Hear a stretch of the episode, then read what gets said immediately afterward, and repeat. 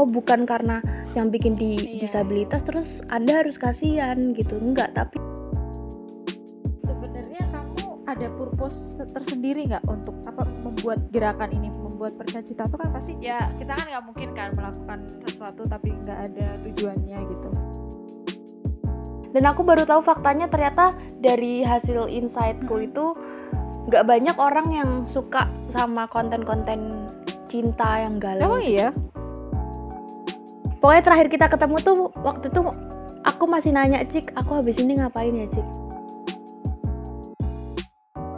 tipe orang yang menghargai tapi berlebihan ada orang yang Hmm. tidak menghargai contohnya gini ini ada ibu-ibu di percacita tuh mereka sambil biasalah orang ibu-ibu kan kalau ngapain tuh sambil Cerita. ini ya sambil ngobrol Ya. eh Ah, aku kemarin loh gitu-gitu kan Ah, Nah kemarin tuh mereka mereka jahit tuh terus terus cerita gini, Mbak aku loh sama suamiku tuh ke pasar. Jadi pasar Mm-mm. eh pasarnya suaminya itu juga difabel kan. Ke pasar tuh mereka berdua. Nah suaminya tuh tapi males kan kalau harus muter-muter toko dulu lah ke mana-kemana Iya. gitu kan. Ditunggu Ah, di tengah pasar. Suaminya pakai krek gitu kan, duduk nungguin istri tercintanya belanja. Tiba-tiba ada ibu datang, ibu-ibu tidak dikenal, ngeluarin duit 5000 dikasih duit 5000 ke ibu bapak itu. astaga Dikira ya pengemis. Cik. ya ampun kok bisa Dibales sama bapaknya lucunya. Gimana, Sama- gimana? Dia berdiri terus ngeluarin duit 50.000 ribu. Ah. Nih bu, kembaliannya. terus terus reaksi ibu itu gimana dong Saya tuh bukan pengemis bu, gitu-gitu. Ya lah. Ya ampun Padahal kan dia nggak minta-minta. Iya. Wow. Oke, yang ketiga berarti yang terakhir tadi apa? Yang ketiga itu adalah orang yang mindsetnya benar. Oh, Oke. Jadi dia dia yang eh, menghargai seseorang tuh dari karyanya, bukan dari disabilitasnya. Mm, mm, mm, mm. Jadi value someone tuh from the quality not the disability gitu. Dan it- itu yang pengen dibangun sama percacita. Menarik, Makanya kalau misalnya kemarin kita sempat dapat order kan Oh, nggak iya. nyangka juga secepat ini tapi ya wes alhamdulillah itu dari Allah. 400 pieces sih. Kalau misalnya atau kemarin juga eh, sempat kita kirim ke toko oleh-oleh di Malang be- beberapa produk dari em, teman-teman disabilitas di Percacita cuman kalau emang nggak lolos sama standarnya misalnya oh ini bengkong. Ya nggak kita lolosin Oh, gitu. Iya iya iya. Ada tetap ada lah quality assurance-nya ada lah ya QA-nya. Mm-mm, jadi supaya orang-orang juga teredukasi Mm-mm. bahwa oh bukan karena yang bikin di Iya, disabilitas terus anda harus kasihan gitu enggak tapi ya dilihat dari kualitasnya emang gitu kualitasnya emang dibangun Oh, itu apa dapat Gitu. 400 pieces apa tuh? Bikin apa? bikin tote bag buat seminar Wow. jadi buat naruh-naruh seminar kit ah, gitu loh ah, goodie bag lah ya isinya. iya goodie gitu. bag ya gitu Wow. Terus terus eh, awal mulanya nih gerakan ini kan pasti ada eh, volunteer lah ya. Itu tuh pertama banget tuh berapa tuh ketika kamu bikin percacita terus sampai akhirnya sekarang tuh membernya. sebenarnya kalau dibilang kalau pertanyaanmu sampai sekarang itu kayak kita udah lama banget gitu ya Oh, tapi itu udah banyak loh. Aku ngelihatnya dari dari postingan kan aku juga follow tuh Percacita. Terus Mm-mm. kayak eh, orang-orangnya juga banyak, volunteernya banyak, terus eh, orang-orang disabilitasnya juga banyak tuh. Jadi aku penasaran deh. Jadi sebenarnya percacita ini baru mulai tuh Oktober, Ci. Hmm. Oktober Jadi masih dua, dua bulan, tuh belum ada. Dua bulan, Oktober, November, dua bulan. Desember. Ya kita hitung dua bulan lah ya. Nah, Betul. apa tadi ya pertanyaannya btw? Ada berapa Oh, volunteer. dan berapa member? Mm-mm. Jadi volunteernya tuh eh, sampai sekarang ada tujuh. Tujuh orang. Mereka yang bantuin buat foto produk, buat Hmm. buat apa namanya, eh, buat selling lah ya Eh, istilahnya, iya. buat nawar-nawarin produknya Produknya. dari difabel ini gitu. Kalau membernya sendiri? Oh, membernya. Kita udah melatih 35 penyandang disabilitas. Wow, keren keren Mm-mm. keren. Terus eh, da- dari 35 itu apakah kamu ngambilnya dari komunitas kah atau memang persatuan gitu loh maksudnya ada ada Poolingnya gitu ya. Ah, gitu. Jadi menariknya ya, Mm-mm. teman-teman disabilitas tuh solidnya Mm. solid banget, banget wes. Jadi misalnya ada satu temennya ikut, ikut, Ikut, kalau satu oh. nggak nggak nggak ikut, nggak ikut gitu loh. Mm. Nah sama kayak kemarin kita nawarin tuh, nawarin ke SLB SLB gitu Oh. kan, untuk mengkontak alumninya yang misalnya dia pengen optimalisasi kemampuan diri lah, me- mengasah kreativitas gitu ya.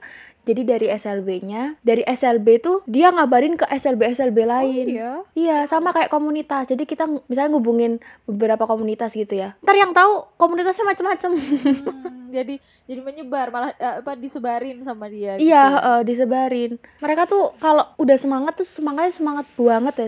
Misalnya kita janjian jam Banget. jam 9 gitu ya. Jam 8 tuh udah ada cik di tempat.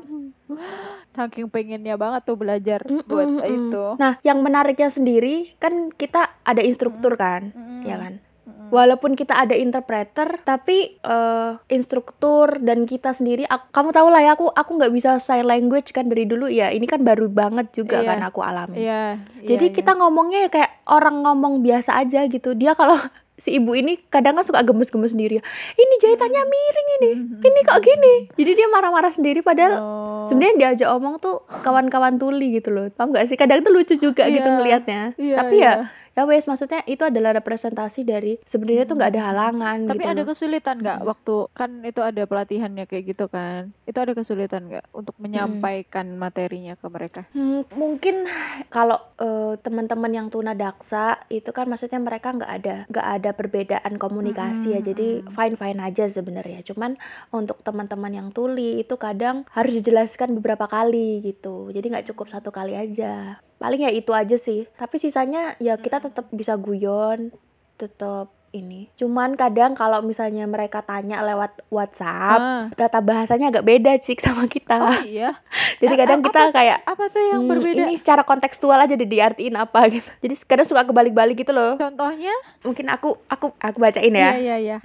Ntar aku cari aku cari Siap. dulu chatnya. Cuman ada yang emang gampang dimengerti, cuman juga ada yang agak susah, Susah. gitu dimengerti. Mm-mm. Misalnya gini nih, Hmm. ada chat tiba-tiba masuk. Bilangnya gini, bercita dulu orang mau ya. Oh, ah, iya, iya. Jadi kayak ketukar, kayak apa ya? Kalimatnya tuh, itu harusnya dia ngomong apa berarti? Aku nggak ngerti. Jadi aku jawab se- sebisanya aja kayak iya gitu.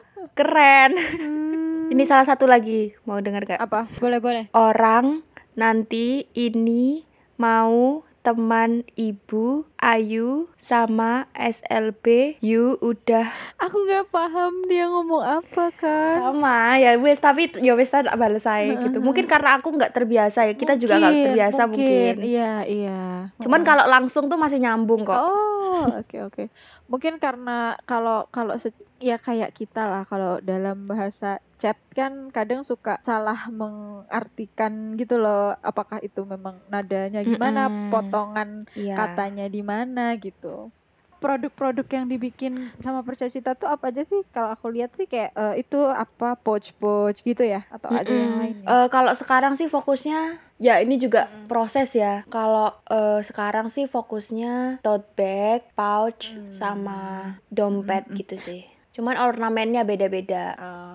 It- itu setiap eh, beberapa minggu sekali ada pelatihan atau kayak gimana? Jadi kalau pelatihannya itu sebulan sekali, pelatihan Hmm. intensif tiga hari. Tiga hari. Sebulan sekali tiga hari. Cuman ada pendampingan, Hmm. pendampingannya tuh setiap minggu. Oh, pendampingan tuh kayak gimana? Waktu misal mem- mengolah, memproduksi itu terus ada orang yang mendampingi gitu? Misalnya ada kesulitan atau dia konsultasi-konsultasi gitu. Hmm, Itu tiap minggu. Mm-mm. Berarti tiap minggu kumpul gitu ya? Iya. Sama se-volunteer-volunteernya kah atau cuman membernya aja? Enggak sih, volunteernya itu waktu pelatihan intensif aja yang tiga hari itu. hmm. Cuman kalau eh, pendampingan itu mereka Khusus sih, membernya. sama instruktur, Hmm, dibantu sama instrukturnya. Iya, iya. Cuman pendampingan ini fleksibel sih kalau mereka mereka emang pengen pendampingan ya mereka pendampingan ikut. ya ada pendampingan gitu. Maksudnya nggak yang harus datang gitu. Wah, menarik sih. Di bergerak di bidang sosial tuh kadang eh, apa ya? Kita jadi melihat sesuatu yang baru gitu loh. Nggak nggak melulu soal konversi gitu. tapi tapi kan pasti hasil akhirnya nantinya juga akan ke revenue juga kan maksudnya Oh buat iya, orang-orang pasti ini. pasti dong. Karena kan emang namanya tuh perca cita ya, Mm-mm. merangkai cita melalui Oh, perca iya. gitu loh ceritanya. bagus bagus, bagus. Jadi kalau mereka ada banyak yang pengen kuliah tapi takut nggak bisa bayar. Hmm. Ini banyak yang muda-muda juga selain ibu-ibu. oh iya Kadang eh, ada juga ibu-ibu yang pengen bantu suaminya Hmm. buat nyekolahin anak atau bisa pengen punya tabungan gitu Hmm. kan. pasti ujung-ujungnya ke revenue kan Rata-rata yang paling banyak dari usia apa? dari yang usia muda Oh, justru malah yang muda ya. kayak lulus SMA gitu-gitu loh karena mau kerja tuh susah Mm-mm. ya kan maksudnya Untuk mendapatkan pekerjaan itu sebenarnya belum seinklusif itu gitu kan Ah. Perusahaan tuh masih belum seinklusif itu Mm-mm. sedangkan padahal pada undang-undang tuh sebenarnya sudah diatur Mm. bahwa 2% karyawan tuh ha- harus Harus. disabilitas maksudnya memberi kesempatan yang lebih besar kepada disab eh, Mm-mm. teman-teman disabilitas untuk bisa kerja di perusahaan di swasta gitu loh. Cuman faktanya tuh masih belum se belum memenuhi 2% itu gitu. Jadi mereka juga agak susah gitu untuk cari kerja gitu kan. Terus kebanyakan juga habis lulus nggak ada kerjaan gitu loh, Cik. Iya. Makanya kalau ada kegiatan kayak gini tuh semangat banget. Karena pengen kuliah. Mm-mm, pengen kuliah sebenarnya mereka nabung-nabung ya Terus kalau dari kamu sendiri nih dari awalnya tuh yang waktu Oktober kamu mendirikan ini gitu. Sebenarnya kamu ada purpose tersendiri nggak untuk apa membuat gerakan ini, membuat percacita itu kan pasti ya kita kan nggak mungkin kan melakukan sesuatu tapi nggak ada tujuannya gitu. Nah kalau tujuan kamu sendiri apa? menurutku selama ini inline sama fail prinsipku ya cik ya mungkin kamu udah tahu Ya, eh, Kanada Canada PNH the, the word itu mm-mm, mm-mm. kalau itu eh, apa namanya masih inline masih tuh sejalan. ya aku aku insya Allah bakal lakuin Amin. gitu Mm-mm. Mm-mm. Jadi mumpung udah jalan gini kita sambil lihat sih cik karena kemarin kan udah mulai eh, bangun portofolio juga kita ya kan terus udah mulai ada beberapa customer kalau ini bisa lebih besar ya kenapa Iya sih. enggak gitu Tapi kan aku ngelihatnya pas bisa jadi besar maksudnya sih. bisa bisa lebih bermanfaat buat banyak orang Hmm. lagi gitu tapi tetap pada prinsip eh, pada bukan prinsip ya pada apa namanya pada support utamanya kan ada pada revenue itu tadi kan Iya sih. biar teman-teman ini kan maksudnya nggak Mm-mm. sia-sia gitu me- me- meluangkan Iya. waktunya apalah. Kalau mereka nggak dapat apa-apa yang bisa diukur kan juga sayang gitu kan. Makanya ya alhamdulillah lah kemarin ya rezeki dari. Allah tuh ada aja gitu ya akhirnya kita bisa punya revenue gitu Itu keseluruhannya diserahkan semuanya ke member atau ada beberapa persen yang memang untuk perusahaan gitu? iya pastinya ada ada Hmm, hitung-hitungannya Tetap gitu. Oke. Wow, Mm-mm. menarik sekali nih percacita. Dan selain itu pun kamu kan juga aktif di apa yang membuat kata-kata galau di Instagram tersendiri, bukan? iya kenapa tuh itu itu juga masih masih jalan kan? masih cuman aku mau ubah bentuknya Oh. karena kayak gitu udah terlalu mainstream sih Iya kayaknya. sih, banyak banget sekarang udah udah apa ya? Seperti Red Ocean. Sudah semuanya membuat akun-akun kata-kata. Iya, dan dan aku baru tahu faktanya ternyata dari hasil insightku itu nggak banyak orang yang suka sama konten-konten cinta yang galau gitu. Emang iya? Mm-mm. Lebih banyaknya yang apa dong? Kalau kalau dari Insta? Jadi mereka tuh lebih suka yang kayak family gitu, Hmm. terus yang tentang apa ya, bukan yang padahal dulu aku aku tuh menarget anak-anak yang ya. masih galau yang anak-anak SMP SMA gitu loh. wow. Tapi ternyata yang datang bukan mereka tapi kayak mereka yang concernnya sama mental health terus Hmm. apa ya self love karir gitu-gitu sih yang lebih ke kayak bagi ruang ini gitu. Waduh, oh iya, seperti podcast bagi ruang ini. Aduh, aduh. Kemarin aku ngobrol sama Baskoro. iya dia kemarin aku ketemu sama Baskoro terus dia Ah. bilang aku ini loh eh enggak aku bilang eh Bas sekarang hari hari Kamis ya kenapa aku ada ini Ah. sama Ciki gitu lah aku kemarin udah Mm-mm. gitu kayaknya minggu ini up deh ngomong Yes. apa ngomongin apa Iya, ngomongin itu sih kalau aku tertariknya ngobrol sama Baskoro itu karena dia kan ini di antara teman-temannya yang lain yang sudah menjadi alumni, dia masih ber oh itu penerimaannya kan pasti susah banget. Jadi aku lebih poinnya ke situ. Kamu ada cerita apa nih? Kita sudah lama tidak bertemu, sudah enam bulan sepertinya. Cepet ya. Malah tidak terasa ya, enam bulan loh. itu padahal Sumpah. Padahal ini loh, padahal terakhir kali kita ketemu itu yang kamu besoknya pergi ke Bandung terus kamu masih ke lab kan? Iya. Aku masih nanya Cik, aku habis ini ngapain ya Cik? Ya nggak sih? Kamu Hmm, inget nggak? Iya, ingat, ingat, ingat, ingat. Iya tuh sampai sampai parkiran, sampai parkiran aku tetap nanya kamu kan, terus kamu bilang ya kamu maunya apa gitu. Aku udah lupa sih aku ngomong apa waktu itu. Aku juga udah lupa sih, cuman aku inget kalau itu pembahasan kita di parkiran terakhir kali itu, Cik menurutmu aku harus gimana gitu Iya iya iya. Ya ampun, ternyata itu udah enam bulan yang lalu kan. iya Closing statement dari Eka Nanda. Jadi mungkin ada tips-tips buat anak muda yang memang pengen ngikutin jejak seperti Eka Nanda PNA Change the World ini.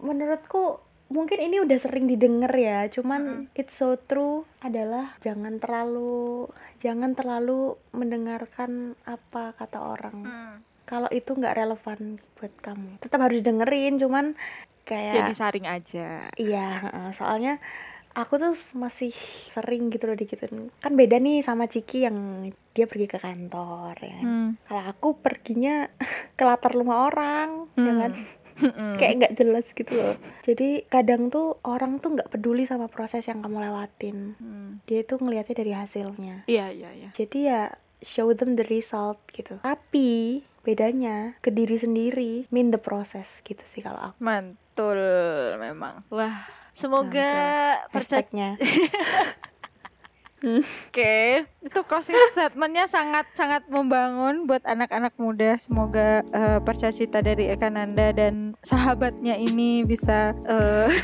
mau ngakak aku. Eh, semoga percaya ini bisa lancar ke depannya sesuai dengan purpose-nya. ah iya.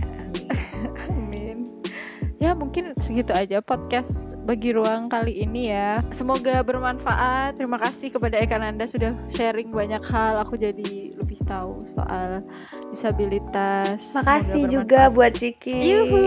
udah ngajak aku ngobrol jadi kehidupan sosialku ini seimbang gitu nggak Iya. nggak di rumah aja Bener. Baiklah, sampai bertemu di podcast selanjutnya.